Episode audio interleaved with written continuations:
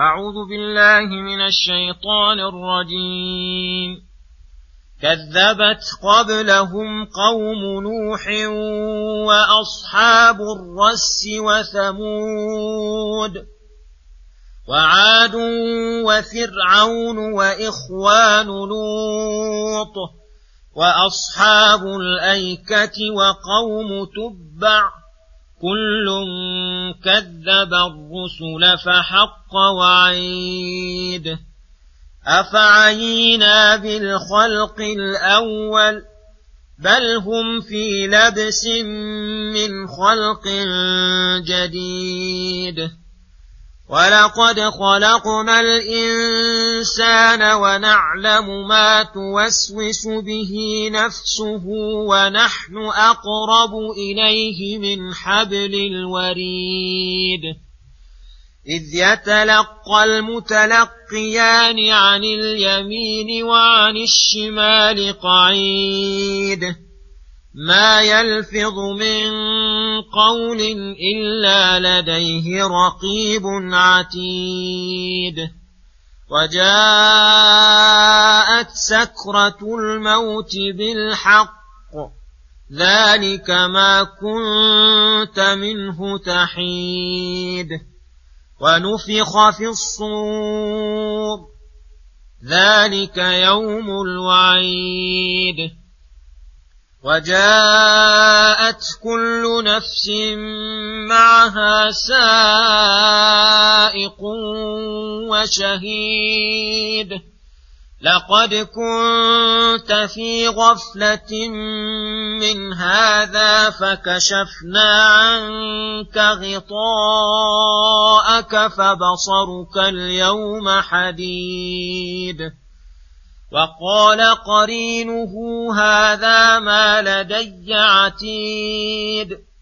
ألقيا في جهنم كل كفار عنيد.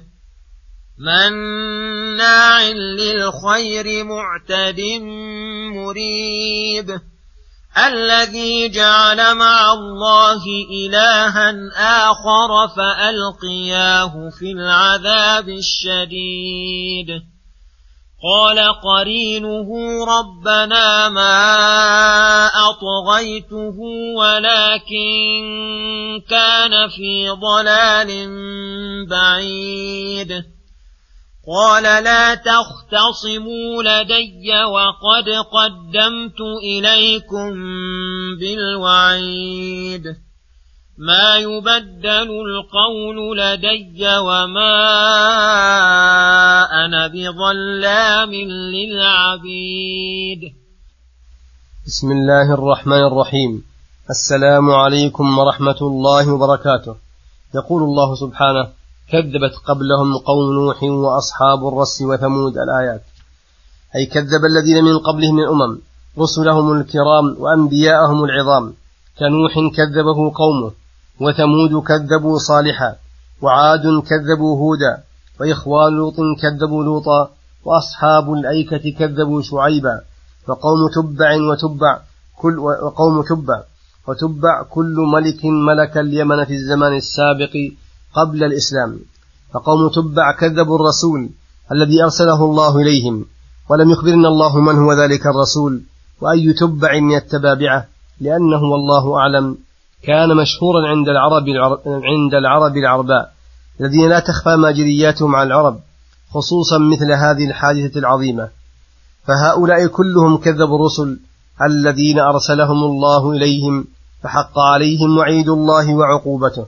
ولستم أيها المكذبون لمحمد صلى الله عليه وسلم خيرا منهم ولا رسلهم أكرم على الله من رسولكم فاحذروا جرمهم لئلا يصيبكم ما أصابهم ثم استدل تعالى بالخلق الأول وهو النشأة الأولى على الخلق الآخر وهو النشأة الآخرة فكما أنه الذي أوجدهم بعد العدم كذلك يعيدهم بعد موتهم وصيرورتهم الرفات والرمم فقال أفعينا أي أفعجزنا وضعفت قدرتنا بالخلق الأول ليس الأمر كذلك.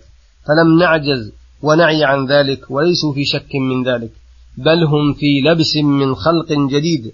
هذا الذي شكوا فيه والتبس عليهم أمره مع أنه لا محل لللبس فيه لأن الإعادة أهون من الابتداء. كما قال تعالى وهو الذي يبدأ الخلق ثم يعيده وهو أهون عليه. ثم يخبر تعالى أنه متفرد بخلق جنس الإنسان ذكورهم وإناثهم وأنه يعلم أحواله وما يسره وتوسوس به نفسه وأنه أقرب إليه من حبل الوريد الذي هو أقرب شيء للإنسان وهو العظم المكتنف في ثغرة النحر.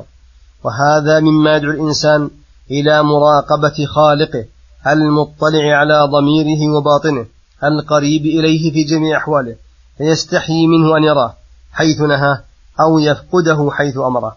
وكذلك ينبغي له أن يجعل الملائكة الكرام الكاتبين منه على بال فيحل فيجلهم ويوقرهم ويحذر أن يفعل أو يقول ما يكتب ما يكتب عنه مما لا يرضي رب العالمين. ولهذا قال إذ يتلقى المتلقيان أي يتلقيان عن عبد أم أعماله كلها واحد عن اليمين يكتب الحسنات والآخر عن الشمال يكتب السيئات وكل منهما مقيد بذلك متهيئ لعمله الذي يعد له ملازم لذلك.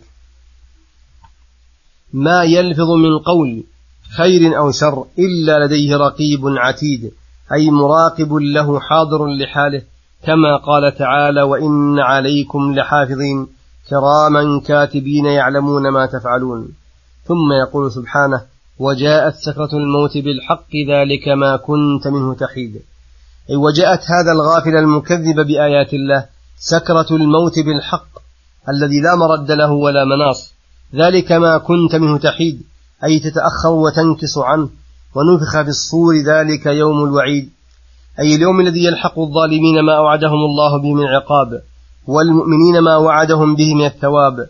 وجاءت كل نفس معها سائق يسوقها إلى موقف القيامة فلا يمكنها أن تتأخر عنه. وشهيد يشهد عليها بأعمالها خيرها وشرها. وهذا يدل على اعتناء الله بالعباد وحفظه لأعمالهم ومجازاته لهم بالعدل. فهذا الأمر مما يجب أن يجعله العبد منه على بال. ولكن أكثر الناس غافلون. ولهذا قال لقد كنت في غفلة من هذا. أي يقال للمعرض المكذب يوم القيامة هذا الكلام توبيخا ولوما وتعنيفا.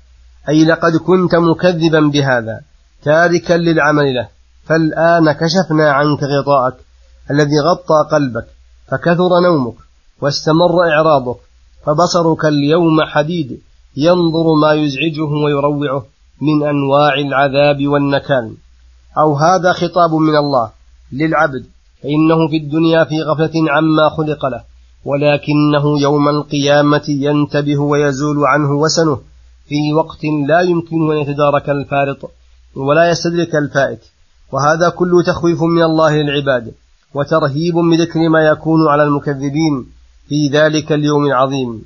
ثم يقول تعالى فقال قرينه أي قرين هذا المكذب المعرض من الملائكة الذين وكلهم الله على حفظه وحفظ أعماله فيحضره يوم القيامة ويحضر أعماله ويقول هذا ما لدي عتيد. قد أحضرت ما جعلت ما جعلت عليه من حفظه وحفظ عمله فيجازى بعمله ويقال لمن استحق النار ألقيا في جهنم كل كفار عنيد أي كثير الكفر والعناد لآيات الله المكثر من المعاصي المجترئ على المحارم والمآثم مناع للخير أي يمنع الخير الذي قبله الذي أعظمه الإيمان بالله وملائكته وكتبه ورسله مناع لنفع ماله وبدنه. معتد على عباد الله وعلى حدوده مريب أي شاك في وعد الله ووعيده. فلا إيمان ولا إحسان ولكن وصف الكفر والعدوان والشك والريب والشح واتخاذ الآلهة من دون الرحمن. ولهذا قال الذي جعل مع الله إلها آخر أي عبد معه غيره ممن لا يملك نفسه ضرا ولا نفعا ولا موتا ولا حياة ولا نشورا.